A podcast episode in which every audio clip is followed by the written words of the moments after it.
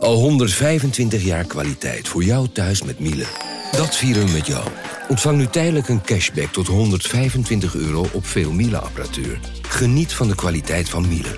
Voor perfect verzorgd wasgoed en kleding die veel langer mooi blijft. Voor een stralend schone vaat, even perfect als jouw diners. En een stofvrij thuis waarin echt hygiënisch schoon de standaard is. Check miele.nl voor alle feestelijke aanbiedingen. Ik ben al jaren ondernemer, maar waar moet ik eigenlijk allemaal aan denken nu ik voor het eerst personeel wil aannemen, voor het eerst ga importeren of voor het eerst een bedrijfslocatie zoek? Weet wat je wel of niet moet doen bij zaken die je voor het eerst oppakt. Check kvk.nl voor praktische stappenplannen. KVK, hou vast voor ondernemers.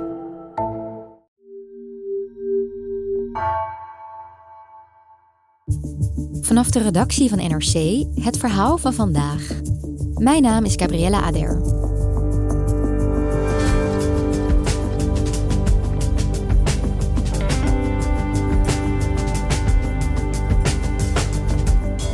In 2021 werd het aanbieden van online gokspellen gelegaliseerd. Het idee van de overheid was om illegale gokkers zo beter te beschermen. Maar in plaats daarvan trokken de bijbehorende marketingcampagnes een volledig nieuwe doelgroep, vertelt redacteur Camille Driessen. Hoe konden deze plannen zo verkeerd uitpakken?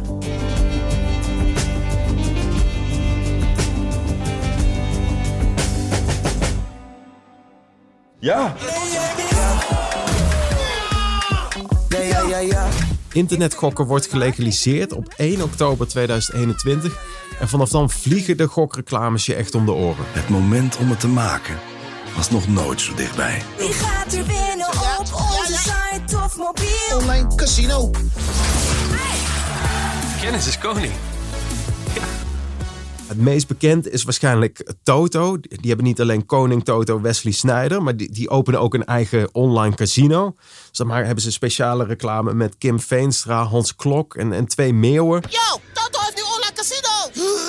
Klik dan. Je hebt ook Bad City met Andy van der Meijden, ook een oud voetballer. Ik heb transfertje gemaakt. De Bad City. Bad City is het online bettingplatform voor de slimme sportfans. Het gaat hier namelijk niet om de eentjes en de tweetjes, maar om de kennis en de weetjes. Er gaan echt miljoenen aan marketingbudget doorheen. En het werkt. Er komen binnen no time eigenlijk honderdduizenden nieuwe gokkers bij. Maar dat was helemaal nooit de bedoeling van de legalisering van die markt. Voorzitter, 11.237 keer. Zo vaak was er in de maand december gokreclame te zien op alleen al televisie. Dat hoeven wij hier helemaal niet normaal te vinden. En ik vind dat in ieder geval niet wenselijk. De opening van de markt en het toelaten van uh, gokreclames op tv, andere media hiervoor, is in de ogen van de SGP een grote fout. Na heel wat gedoe en conflict is sinds 1 juli, hè, sinds afgelopen zaterdag, zijn alle tv-reclames, uh, ja, abri-reclames buiten op straat, die zijn allemaal verboden. Dus eigenlijk is het reclame maken voor gokken flink de kop ingedrukt. Maar de vraag is wel, hoe heeft de overheid zo kunnen onderschatten wat de impact van het legaliseren van die gokmarkt zou zijn? Die markt is veel groter geworden dan men aanvankelijk had gedacht. En dan is toch ook de vraag van, ja, heeft men wel in het vizier gehad dat dat dus betekent dat er ook veel meer mensen gokverslaafd worden? Ja, in oktober 2021 werd online gokken dus uh, gelegaliseerd. Wat betekent dat? Hoe ging dat in zijn werk? Nou kijk, eigenlijk werd er al best wel veel door Nederlanders online gegokt. Ik bedoel, hè, internet is wereldwijd.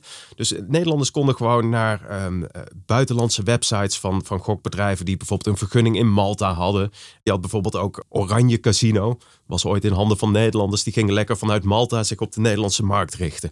En het hele idee van het gokbeleid was om die mensen die dus al op buitenlandse websites gokten, te kanaliseren dat is een mooi woord voor het bewegen van al die mensen naar nieuwe, legale Nederlandse websites. Vanaf vandaag mag er in Nederland online worden gegokt. Tien bedrijven hebben een vergunning om legaal online casino's en sportweddenschappen aan te bieden.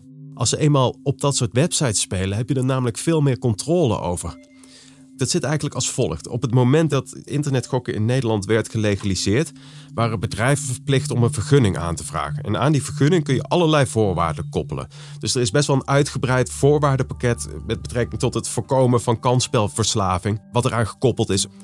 Een voorbeeld is het Crux. Dat is een soort van register waar mensen met eh, problemen zich kunnen inschrijven. Dat ze niet meer worden toegelaten tot online casino's en ook casino's op het vasteland.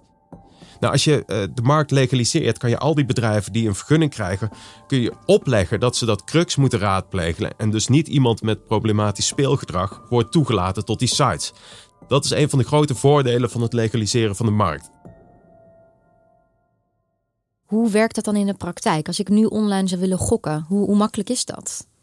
Het is echt heel makkelijk. Ik pak nu even mijn telefoon erbij. Zeg maar. het, het is eigenlijk hetzelfde alsof je een account opent bij, bij eh, Spotify of Netflix. ik, ik kan bijvoorbeeld een, een, een Toto-app downloaden. Ik heb dat even voor mijn onderzoek gedaan. Uiteraard. niet, niet, niet dagelijks op, op gokwebsites te vinden. En het is echt heel simpel. Je, je downloadt de app en dan moet je je persoonsgegevens invoeren. Je moet je ID uploaden. Dus een fotootje maken van bijvoorbeeld je rijbewijs van de voor- en de achterkant. Dan duurt het twee minuutjes. Dat wordt gecheckt. En dan moet je een bedrag overschrijven. Maar een bedrag, een soort startbedrag? Een startbedrag, ja. En als je dat bij Toto doet, hè, dan krijg je ook meteen een bonus. 120 eh, gratis spins als je je registreert. Ja, ik moest dan wel een minimaal bedrag van 5 euro overmaken. Maar dan kan ik dus op, op, op zeg maar een ja, online gokkast kan ik dan gaan spelen. En zo toegankelijk als dat het nu is geworden, wat doet dat vervolgens met de gokmarkt? Heb je daar enig zicht op? Nou, die markt is echt enorm gegroeid. Er gaat nu meer dan 1 miljard euro per jaar in om. En dat is na het uitkeren van de prijzen. Dus er wordt gewoon meer dan 1 miljard euro vergokt door Nederlanders op, op uh, online goksites. En er zijn 762.000 Nederlandse online gokkers, waarvan maar liefst 61% nieuw is. En uh, die gokte voorheen niet. 61% nieuwe gokkers. Ja, dus er zijn honderdduizenden nieuwe gokkers. En, en onder hen zitten ook nog eens bovengemiddeld veel jongvolwassenen. En dat is de kwetsbaarste groep van, van 18 tot 24, die volgens het kabinetsbeleid juist het meest beschermd zou moeten worden. En ik wil je ook niet een ander getal onthouden.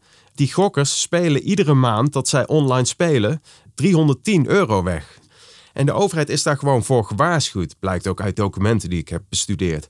Van onder meer interne documenten van de kansspelautoriteit, het ministerie van Volksgezondheid, het ministerie van Financiën. Daaruit blijkt dat, al, dat in 2019 echt is, is gezegd eh, van, kijk, als je een vaag eh, reclamebeleid hanteert, waarin best wel veel is toegestaan, dan ga je niet alleen die kanalisatie van die bestaande spelers hebben, maar ga je een enorme nieuwe markt creëren. Nou, er is uiteindelijk wel voor een eh, best wel liberaal reclamebeleid gekozen. En het, volgens mij kan je nu de conclusie trekken dat men inderdaad eh, een, een enorm nieuwe markt heeft gecreëerd. door al die reclames zo ruim baan te geven. Want daar, daar komt het toch op neer.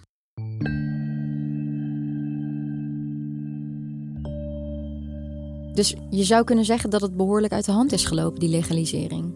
Ja, en het is wel bijzonder dat, ehm, als ik het voorbeeld van, van de Toto neem, die gaf het meeste geld uit in oktober, november en december aan reclame. En dat is notabene een staatsdeelneming. Hè. 99% van de aandelen is in handen van de staat. En uit wat ik een beetje heb gereconstrueerd, blijkt dat zij helemaal niet naar de staat luisterden in die maanden.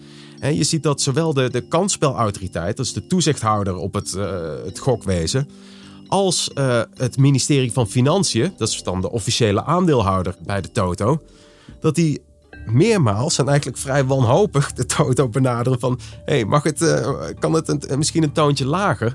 En dat er aanvankelijk ja, eigenlijk geen gehoor aan wordt gegeven. De Toto, dat, dat is een bedrijf dat tientallen jaren geleden al door de staat in het leven is geroepen om uh, gokken gecontroleerder te faciliteren. Dat bedrijf trekt zich dus helemaal niks aan van diezelfde staat. Dat is toch raar? Ja, het is wel opvallend. Hè? En, en zij worden eigenlijk ja, gewezen op hun voorbeeldrol. Hè? Dat ze zich als een voorloper uh, moeten gedragen in, de, hè? in dat nieuwe online landschap. Dat ze meer van de rand moeten bewegen. En ook al doet de concurrentie dat niet. Hè? Principes kosten nu eenmaal geld, uh, wordt, wordt ze voorgehouden. Maar echt e-, effect lijken die woorden aanvankelijk niet te hebben. Nee, en het gaat zelfs zo ver dat de Toto een boete van 400.000 euro krijgt van de kansspelautoriteit, de toezichthouder, omdat ze zich, en dat mag absoluut niet, op jongvolwassenen hebben gericht met hun reclameactiviteiten. dus Toto is eigenlijk het eerste bedrijf wat ook beboet wordt wegens het overtreden van de kansspelwetgeving na het opengaan van die markt. Maar kan het kabinet dan niet ingrijpen? Dat is een goede vraag. Kijk, twee kabinetten hebben hiermee te maken gehad. En de vorige minister, Sander Dekker, die zat iets anders in de wedstrijd. Want de Tweede Kamer is er echt al heel snel helemaal klaar mee.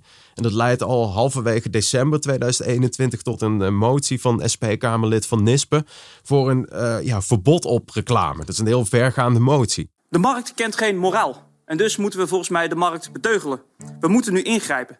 En de SP wil een verbod op ongerichte reclame voor risicovolle kansspelen. Want nu wordt er een geheel nieuwe groep potentiële gokkers aangeboord en in de verleiding gebracht. Dat kan toch niet de bedoeling zijn? En wat je ziet, die Kamermotie wordt dus aangenomen in december. En vervolgens blijkt, hè, ook uit interne documenten die ik heb gezien, dat minister Dekker echt gewoon nul haast maakt bij het uitvoeren van die motie. Die stuurt de gokbranche en de goklobby een brief dat hij ja, hun zorgen toch ook wel begrijpt met betrekking tot een, een eventueel reclameverbod. En dat hij de komende maanden eens even gaat onderzoeken van ja, of en hoe dat verbod dan eigenlijk eh, vorm moet krijgen. Hij houdt echt heel veel slagen om de arm. Dus dat was een vrij geruststellende brief voor de gokbedrijven. En je, je ziet dan dat Van Nispen dat niet accepteert. En dan wordt de minister eigenlijk op het matje geroepen voor het niet uitvoeren van dat reclameverbod. De kernvraag van vandaag is: wanneer gaat de minister de aangenomen Kamermotie uitvoeren? Per wanneer is er dus een verbod op de gokreclames? Dan krijgt hij een nieuwe minister tegenover zich, Frank Weerwind, nieuwe minister voor rechtsbescherming van D66. Zit net een nieuw kabinet. En die zit anders in de wedstrijd. En die klinkt plots heel serieus. En die wil het allemaal serieus gaan onderzoeken en aanpakken. Ik wil uitvoering geven in de geest van deze motie. Laat ik u ook verzekeren dat het ministerie van Justitie en Veiligheid er al volop mee bezig is. En dan zie je wel dat ja, het beleid ook echt gaat veranderen. En, en Weerwind zelf komt bijvoorbeeld al vrij snel met een verbod op uh, rolmodellen. Dat zijn dus ja, zeg maar de Wesley Snijders, uh, Hans Kloks en Kim Veenstra's. En kijk, en nu sinds dit weekend zijn we dus een stap verder en hebben we dus het, het verbod op ongerichte reclame. Dus dat is uh, alle reclame waar jij en ik in het normale leven mee in aanraking zouden kunnen komen zonder dat we erom gevraagd hebben. Uh, reclame op tv, op de radio, in de krant, uh, op een billboard op straat. Dat is allemaal verboden. En wat dan nog wel mag, is um, ja, gerichte reclame. Dus bijvoorbeeld dat op basis van mijn zoekgedrag op internet mij uh, online een bepaalde advertentie wordt voorgeschoteld. Dat, dat blijft wel mogelijk. Oké, het beleid is nu dus daadwerkelijk aangescherpt. Maar toch zijn we inmiddels anderhalf jaar verder en er zijn honderdduizenden gokkers bijgekomen. Is het aantal verslaafden ook toegenomen? Nou, in principe wel. Ik bedoel, um, hoe groter de markt, hoe meer verslaafden zou je kunnen zeggen. Er wordt vanuit de verslavingsbranche ook wel gezegd. Maar het lastige is dat er gewoon geen betrouwbare cijfers over gokverslaving zijn. Het heeft allerlei oorzaken. De registratie heeft ook een tijd stilgelegen. Maar het allerbelangrijkste is dat, dat uh, gokverslaving is een verslaving die zich lang buiten het zicht van de verslavingszorg afspeelt. Je ziet niet aan mensen af dat ze gokverslaafd zijn. Dus het, ja, er worden wel getallen genoemd van dat ongeveer vijf jaar duurt voor een gokverslaafde zich pas meldt. Dus het is nog veel te vroeg om te zeggen wat nou de impact van het legaliseren van die online markt en die enorme groei is geweest op het aantal verslaafden. En nemen die online gokbedrijven, hè, zoals Toto, hier dan ook zelf verantwoordelijkheid voor? Doen zij iets om die verslaving tegen te gaan? Nou, de, de, Toto en maar ook andere gokbedrijven die gaan best wel prat op wat ze doen hè, om, om verantwoord speelgedrag te promoten. Dus ik hoor ze niet direct erkennen dat inherent aan online casino's en internetgokken ook is dat er uh, verslaving uh, mee gepaard gaat. Kijk, de, gokbedrijven wijzen gewoon graag op dat ze een verantwoord speelbeleid hebben en dat gokken leuk is en recreatief en dat je moet alleen spelen met wat je kwijt kan. Dus dat is een beetje de boodschap die ze hebben. En ze hebben wel allerlei, eh, eerlijk is eerlijk, ze hebben gewoon wel allerlei tools waarin je bijvoorbeeld een limiet kan instellen. En Toto bijvoorbeeld, die, die maken ook zelfs reclame voor, voor verantwoord speelgedrag. En ze hebben dan zo'n reclame met Nathan Rutjes hadden ze over, over um, op het matje bij Nathan. Welkom bij Op het matje bij Nathan. Een stukje mental coaching voor Toto-spelers. De vraag is alleen in hoeverre dat een uh, verslaafde speler uh, helpt. Want die gaat natuurlijk op zoek naar, naar de muispaardjes. En die, die gaat door, want die, die is verslaafd. Wat denk jij? Wat is de verwachting van die impact van de nieuwe reclameregels? Dat, dat de reclame zich helemaal naar online gaat verplaatsen. En dat zie je de laatste maanden al een beetje gebeuren. Dus zeg maar, de, verwachting is dat de budgetten die op tv werden besteed, dat die nu online uh, worden besteed. En ik, ik moet ook nog even een winstwaarschuwing inbouwen hoor. Want bepaalde, uh, zeg maar, de sponsoring van tv-reclames blijft nog even toegestaan. De sponsoring van voetbalclubs ook. Dus er blijft nog wel wat uh, in het publieke domein voor, voor jou en mij, zeg maar. Wij blijven er nog mee in aanraking komen. Maar dat men de budgetten op internet gaat inzetten. Dat is de verwachting van, dat zegt zelfs minister Weerwind al te zien en, en te verwachten. Volgend jaar gaat hij pas officieel de wet die het legaliseren mogelijk maakt evalueren. Maar hij zegt wel, ik, ik hou wel een vinger aan de pols. Kunnen we dan nog veel meer strenge beperkingen verwachten de komende jaren? Nou, een, een heel bijzonder voorbeeld is België. Daar hebben ze namelijk ook per 1 juli een reclameverbod ingesteld. Maar dat gaat tien keer verder dan het verbod in Nederland. Dat is ja, eigenlijk een nagenoeg volledig reclameverbod, waarbij ook dus internetreclames verboden zijn. En je ziet daar een, een nog veel fellere minister dan je bij ons in Nederland ziet. En hij klonk echt opvallend fel toen hij dat reclameverbod afkondigde. Hij zei van er zijn al te veel families ten onder gegaan aan gokken. 40% van de winst van gokbedrijven komt van mensen met gokproblemen. Dat moet stoppen. En hij wil dus met dat reclameverbod een eind maken aan de verwoestende tsunami van gokreclame. Ja, zo, zo fel hebben we het hier nog niet gehoord. En het is volgens mij de vraag in hoeverre België ons voorland is. En of je in Nederland dus ook naar echt een, een volledig verbod op gokreclame gaat bewegen. We gaan het zien. Dankjewel, Camille. Ja, graag gedaan.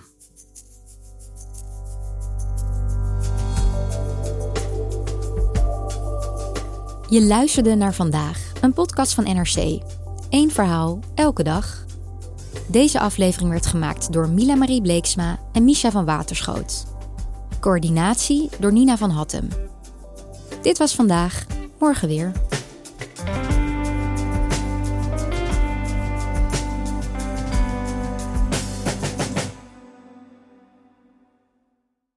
Technologie lijkt tegenwoordig het antwoord op iedere uitdaging. Bij PwC zien we dit anders. Als we de potentie van technologie willen benutten, kunnen we niet zonder een menselijk perspectief. Human-led, tech-powered noemen we dat. Ga naar pwc.nl.